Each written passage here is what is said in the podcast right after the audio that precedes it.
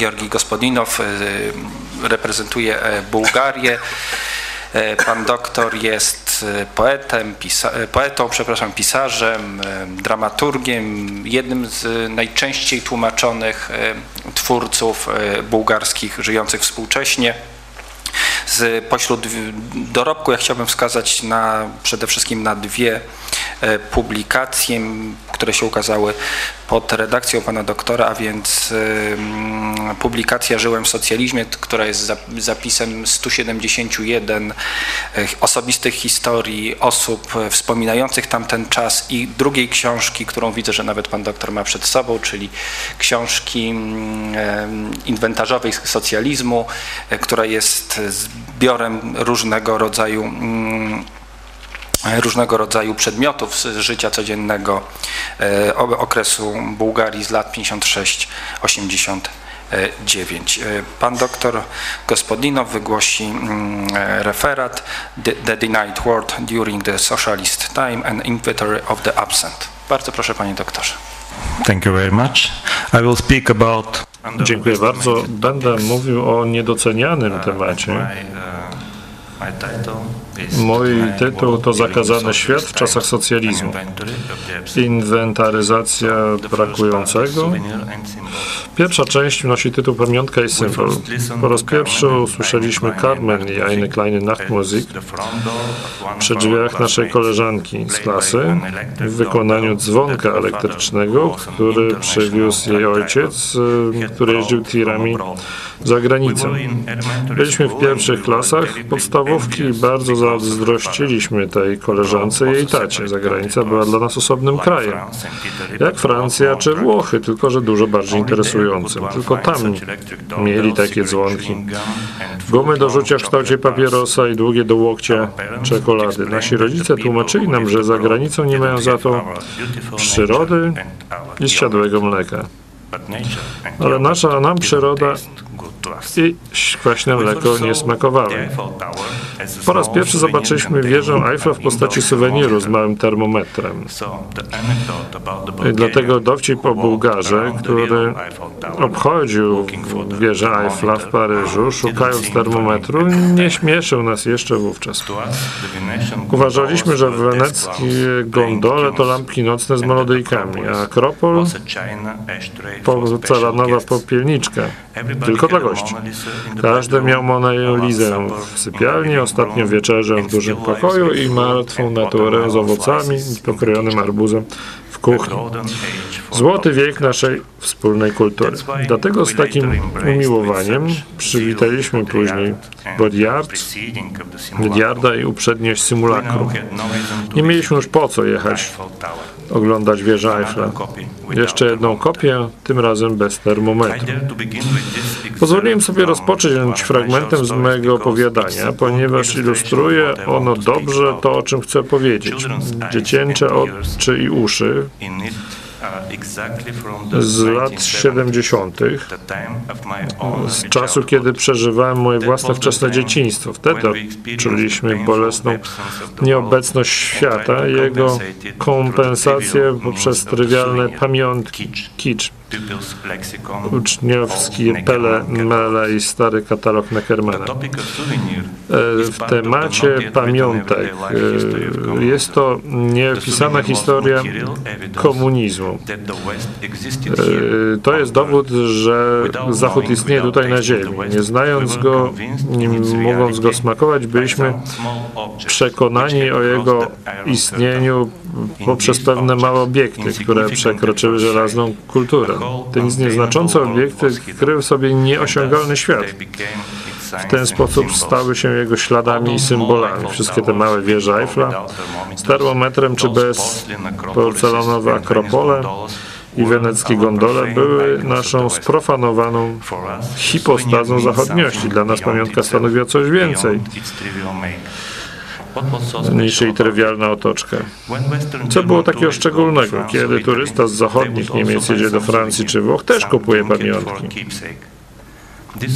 Dla niego ten przedmiot służy zachowaniu wspomnień z odwiedzanego miejsca i z przeżyć. Dla wschodniego Europejczyka z epoki socjalizmu pamiątka była wspomnieniem miejsca, gdzie nigdy nie był, gdy nie, gdzie nigdy nie będzie. Pamiątka jest negatywnym świadectwem nieosiągalnego przeżycia. Obecność wieży Eiffla w, z termometrem w domu z niemieckim, i w bułgarskim miała zupełnie różne znaczenie. U nas miało to wartość sentymentalno-ideologiczną. Pamiątka przebyła bowiem żelazną kurtynę, pochodzi z innego świata. Był to najczęściej prezent przywieziony przez kogoś szczęśliwszego. Kto był kierowcą tira, i kto miał na przykład szansę wyjechania na zachód. Otwórzmy tutaj nawias kontekstualny. Lata 70. są przed taktem socjalizmu. Stało się jasnym, że komunizm jest nieosiągalny, powrót jest również niemożliwy i że trzeba ten częściowy stan utrzymać jak najdłużej. Trzeba wymyśleć puste, ideologiczne ruchy, żeby w sposób tajny implantować pewne zachodnie modele, jakiś taki kapitalizm rządową twarzą. Podobne próby zaczęły się w Bułgarii w latach 60. poprzez stworzenie imperium Texim, specjalnej prywatno-państwowej hybrydy, zwolnionej z podatków z nieograniczonymi możliwościami handlu z pozostałą częścią świata, aż od broni dla algierskich buntowników do pierwszego importu Coca-Coli w bloku socjalistycznym. Teksim, którego głównym dyrektorem był oficer bezpieczeństwa, był dla państwa źródłem cennej twardej waluty. Te polityki kontynuowane były e, przez różne firmy i przedstawicielstwa handlujące z zagranicą. W po, po środku lat 70. E, specjalne Stowarzyszenie Handlowe Transportu uzyskało ogromne możliwości. Zakupiono 3,5 tysiąca nowych ciężarówek Volvo i Mercedes. Firma stała się numerem jeden w Europie, jeśli chodzi o transport e, towarów na Bliski Wschód. Właśnie Bułgaria, e, której 80% obywateli nie opuściło jej granic, stworzyła jedną z najsilniejszych firm transportowych, w których ciężarow, które ciężarówki przemierzały na co dzień wszystkie drogi Europy. Nieprzypadkowo w latach 70. jedną z najpopularniejszych postaci jest kierowca tira. Człowiek, który swobodnie przekracza granice i który widzi świat, który jest oderwany od pozostałej części klasy robotniczej i oprócz legalnych towarów może przenieść nielegalnie parę spodni, e, butów sportowych, katalog Neckermana czy kilka kartonów Marlboro. Wróćmy do pamiątek. Nie tylko drobiazgi dla zachowania wspomnień, ale każdy obiekt przybyły z tamtego świata zaczynał się przemieniać w pamiątkę. Najbardziej trywialne produkty lub często opakowanie przybierały aureolę cennego i niepowtarzalnego. Było żarliwie chowane.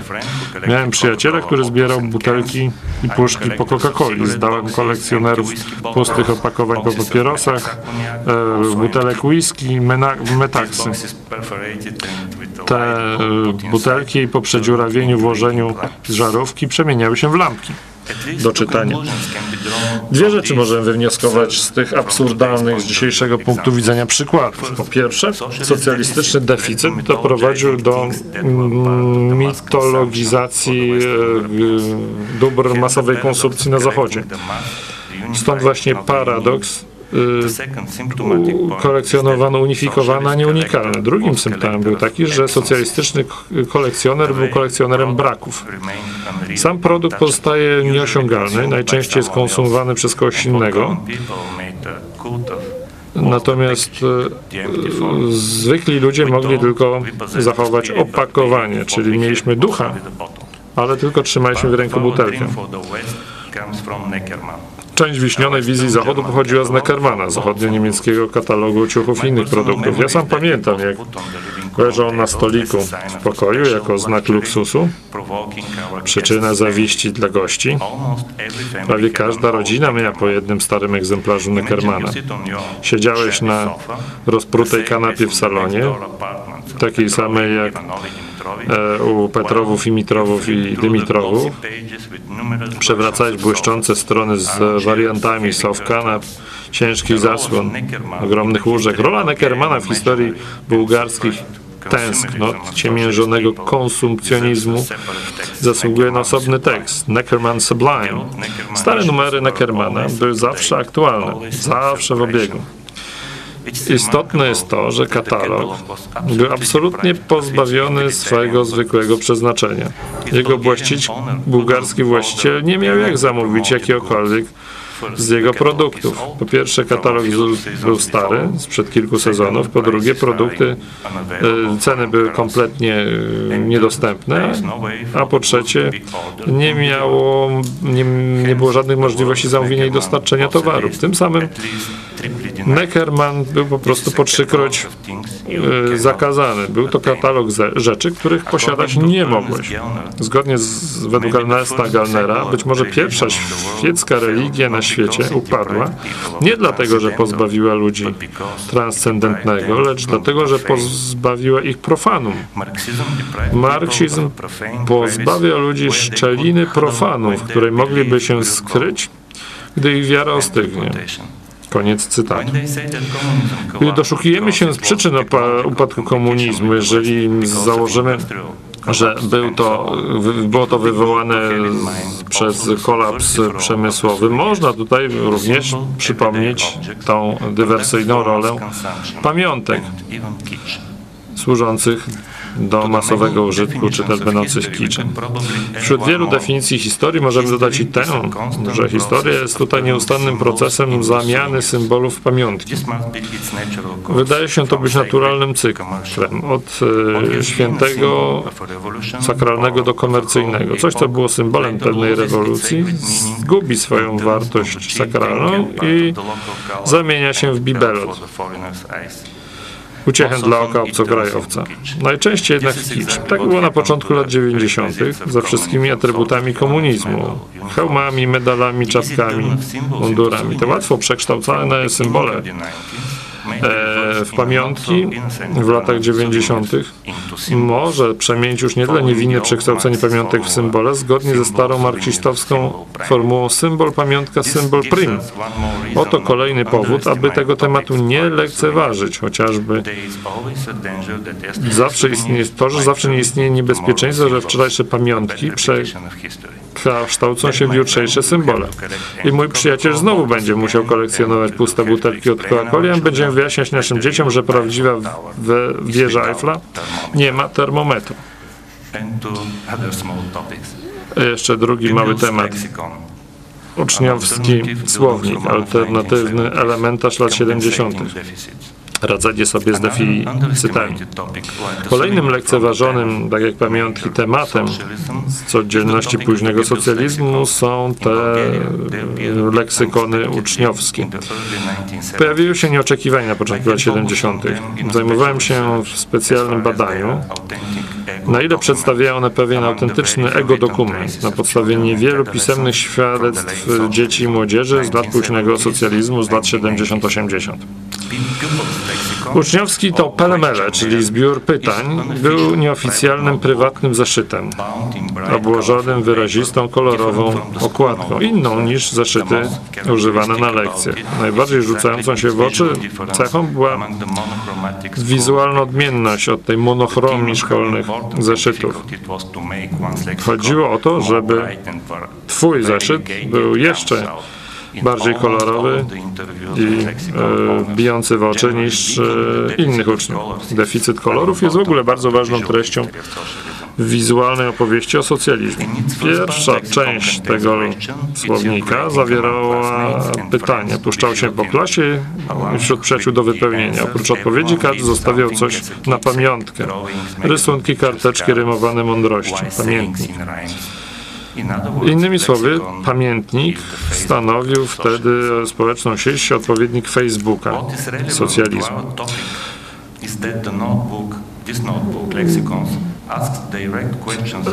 E, ten pamiętnik zadawał bezpośrednie pytania na temat e, obecnej sytuacji. Na przykład, czy lubisz podróżować? Niewinne pytanie. Drugi, drugie pytanie już było bardziej wyszczególnione. Czy przekroczyliście kiedykolwiek jakąkolwiek granicę? Do jakich krajów chcielibyście pojechać?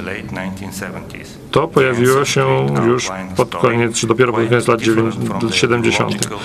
Tworzy to inną opowieść, która różni się od ideologicznego wychowania. Najczęściej życzeniem były państwa kapitalistyczne. Włochy, Francja, RFN, Grecja, Japonia. Mniej więcej w tej nawet kolejności. W 86 pamiętnik zadaje pytanie, które państwo odwiedziliście? Połowa z 27 odpowiadających odwiedziła żadne. Tutaj dochodzimy do zabronionego pytania. Gdzie chcielibyście żyć? I geografia życzeń ponownie się powtarza. Bułgaria ledwo się tam plasuje, plasuje, przepraszam, i nie ma też na tej liście żadnego innego państwa z obozu socjalistycznego. Także dzieci i młodzież, które te pamiętniki wypełniały, tak naprawdę chciały być pytanymi. Pamiętnik rozwijał deficytową kulturę dzielenia się, przynajmniej deficytową w Bułgarii w latach 70. Charakterystyczne dla socjalistycznej rodziny była kultura milczenia, ale to jest zupełnie osobny temat, na osobny tekst. O co jeszcze pytał pamiętnik? Najkrótszą odpowiedzią było e, to, że ani szkoła, ani pozostałe instytucje socjalizmu, w tym także nie mówiły o takich rzeczach. Pytał o ulubionych piosenkarzach, grupach rockowych, drużynach, aktorach, sportowcach, o to, co intymne, czy masz chłopaka, dziewczynę, jeżeli to nie tajemnica, jak się nazywa, co sądzisz o dzisiejszych dziewczynach, chłopakach, czy wierzysz w miłość od pierwszego wejrzenia, całowałeś się z języczkiem może? Pierwsze pytania z niewinnych lat 70 odzwierciedlały e, marzenia. Dziecko z socjalizmu e, żyło na przecięciu dwóch wizji ideologicznej i tej nieformalnej, tego właśnie tej wizji z pamiętnika. Oprócz różnych innych deficytów pojawił się inny deficyt. W postscriptum chciałbym wspomnieć Georgii e, Markowa, ponieważ on też stanowił część lat 70. I o jego noweli Kobiety z Warszawy. Jego tekst i tragiczna biografia, biografia e, powstała w latach 70. Mówi on, że e, we wszystkich raportażach Bułgarii przedstawia się e, niemożność podróży. To samo dotyczy wolnej Europy. Moje wspomnienia jako dziecka, a to jest bardzo powszechne wspomnienie, e, obejmował ojca, który zamykał się w kuchni, żeby w nocy posłuchać wolnej Europy. E, w latach 70 służby specjalne Bułgarii zacisnęły swój chwyt na wewnątrz i na zewnątrz kraju i podjęły ostre kroki na, za granicą wobec wszystkich tzw. Tak zdrajców i dysydentów.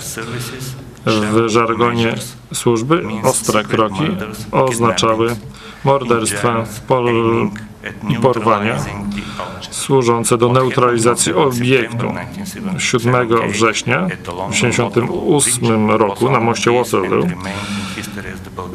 w Londynie zdarzyło się coś, co przeszło do historii pod nazwą bułgarska parasolka. W drodze do redakcji BBC Georgi Markow został ukłuty lekko parasolką w nogę, za pomocą czego do jego organizmu dostała się miniaturowa dawka trucizny.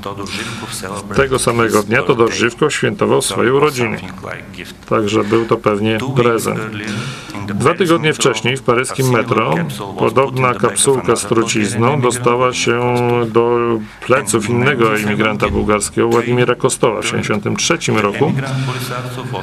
Boris Arsow, emigrant, został prowadzony i e, przemycony do Bułgarii, gdzie zmarł potem w, w więzieniu. Także to jest też równoległa część bułgarskiej historii Époque.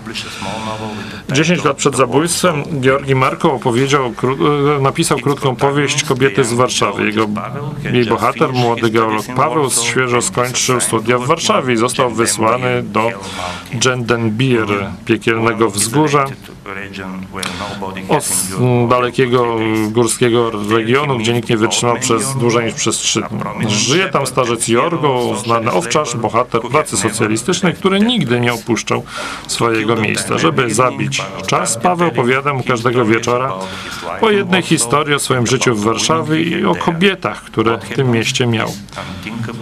I zdarza się coś, co było nie do pomyślenia w jakiejkolwiek tam powieści z tego czasu. Herlawy inteligent, który przebył za granicę, ocal, ocalał, natomiast miejscowy starzec, przywiązany do korzeni i tradycji, wiesza się pod drzewem, pod którym słuchał historii. Te nieosiągalne kobiety z Warszawy obudziły w późniejszym samobójcy poczucie straconego na zawsze świata marzenia o Warszawie, której nigdy nie mógł zobaczyć. Ta krótka powieść, którą przemycono przez cenzurę, opowiada o świecie, który, o świecie, który był dla nas zabroniony, o nieosiągalnej geografii życzeń, o Warszawie, w której nigdy nie byliśmy. Zauważmy, że wymarzone i zabronione gdzie indziej nie jest nawet żadnym krajem egzotycznym, nawet nie leży w Europie Zachodniej. Jest to tak naprawdę historia o świecie, w którym śniliśmy, który wytworzyliśmy, wytworzyliśmy i kolekcjonowaliśmy poprzez puste butelki i katalogi, poprzez trywialne pamiątki z miejsc, w których nigdy nie byliśmy. Także myślę, że warto, żebyśmy te małe, nieważne tematy zapamiętali, kiedy będziemy mówili o latach 70. i 80. Dziękuję bardzo za to niesamowicie ciekawe, inspirujące wystąpienia chciałem tylko zauważyć, że te pamiątki miały jeszcze jedną ważną cechę, o której, o której trzeba pamiętać. Były taką namiastką wolnego rynku. Ich wtórny obieg na bazarach, to tych katalogach, których Pan wspomniał, to są, są najlepszym przykładem, właśnie tworzyły taki trochę nieformalny, ale wolny rynek i tego wolnego rynku uczyły i to oczywiście jest znowu doświadczenie nie tylko bułgarskie, ale chyba całego bloku wschodniego i łącznie ze Związkiem Radzieckim, gdzie to było przecież dosyć, dosyć charakterystyczne. Raz jeszcze bardzo, bardzo dziękuję.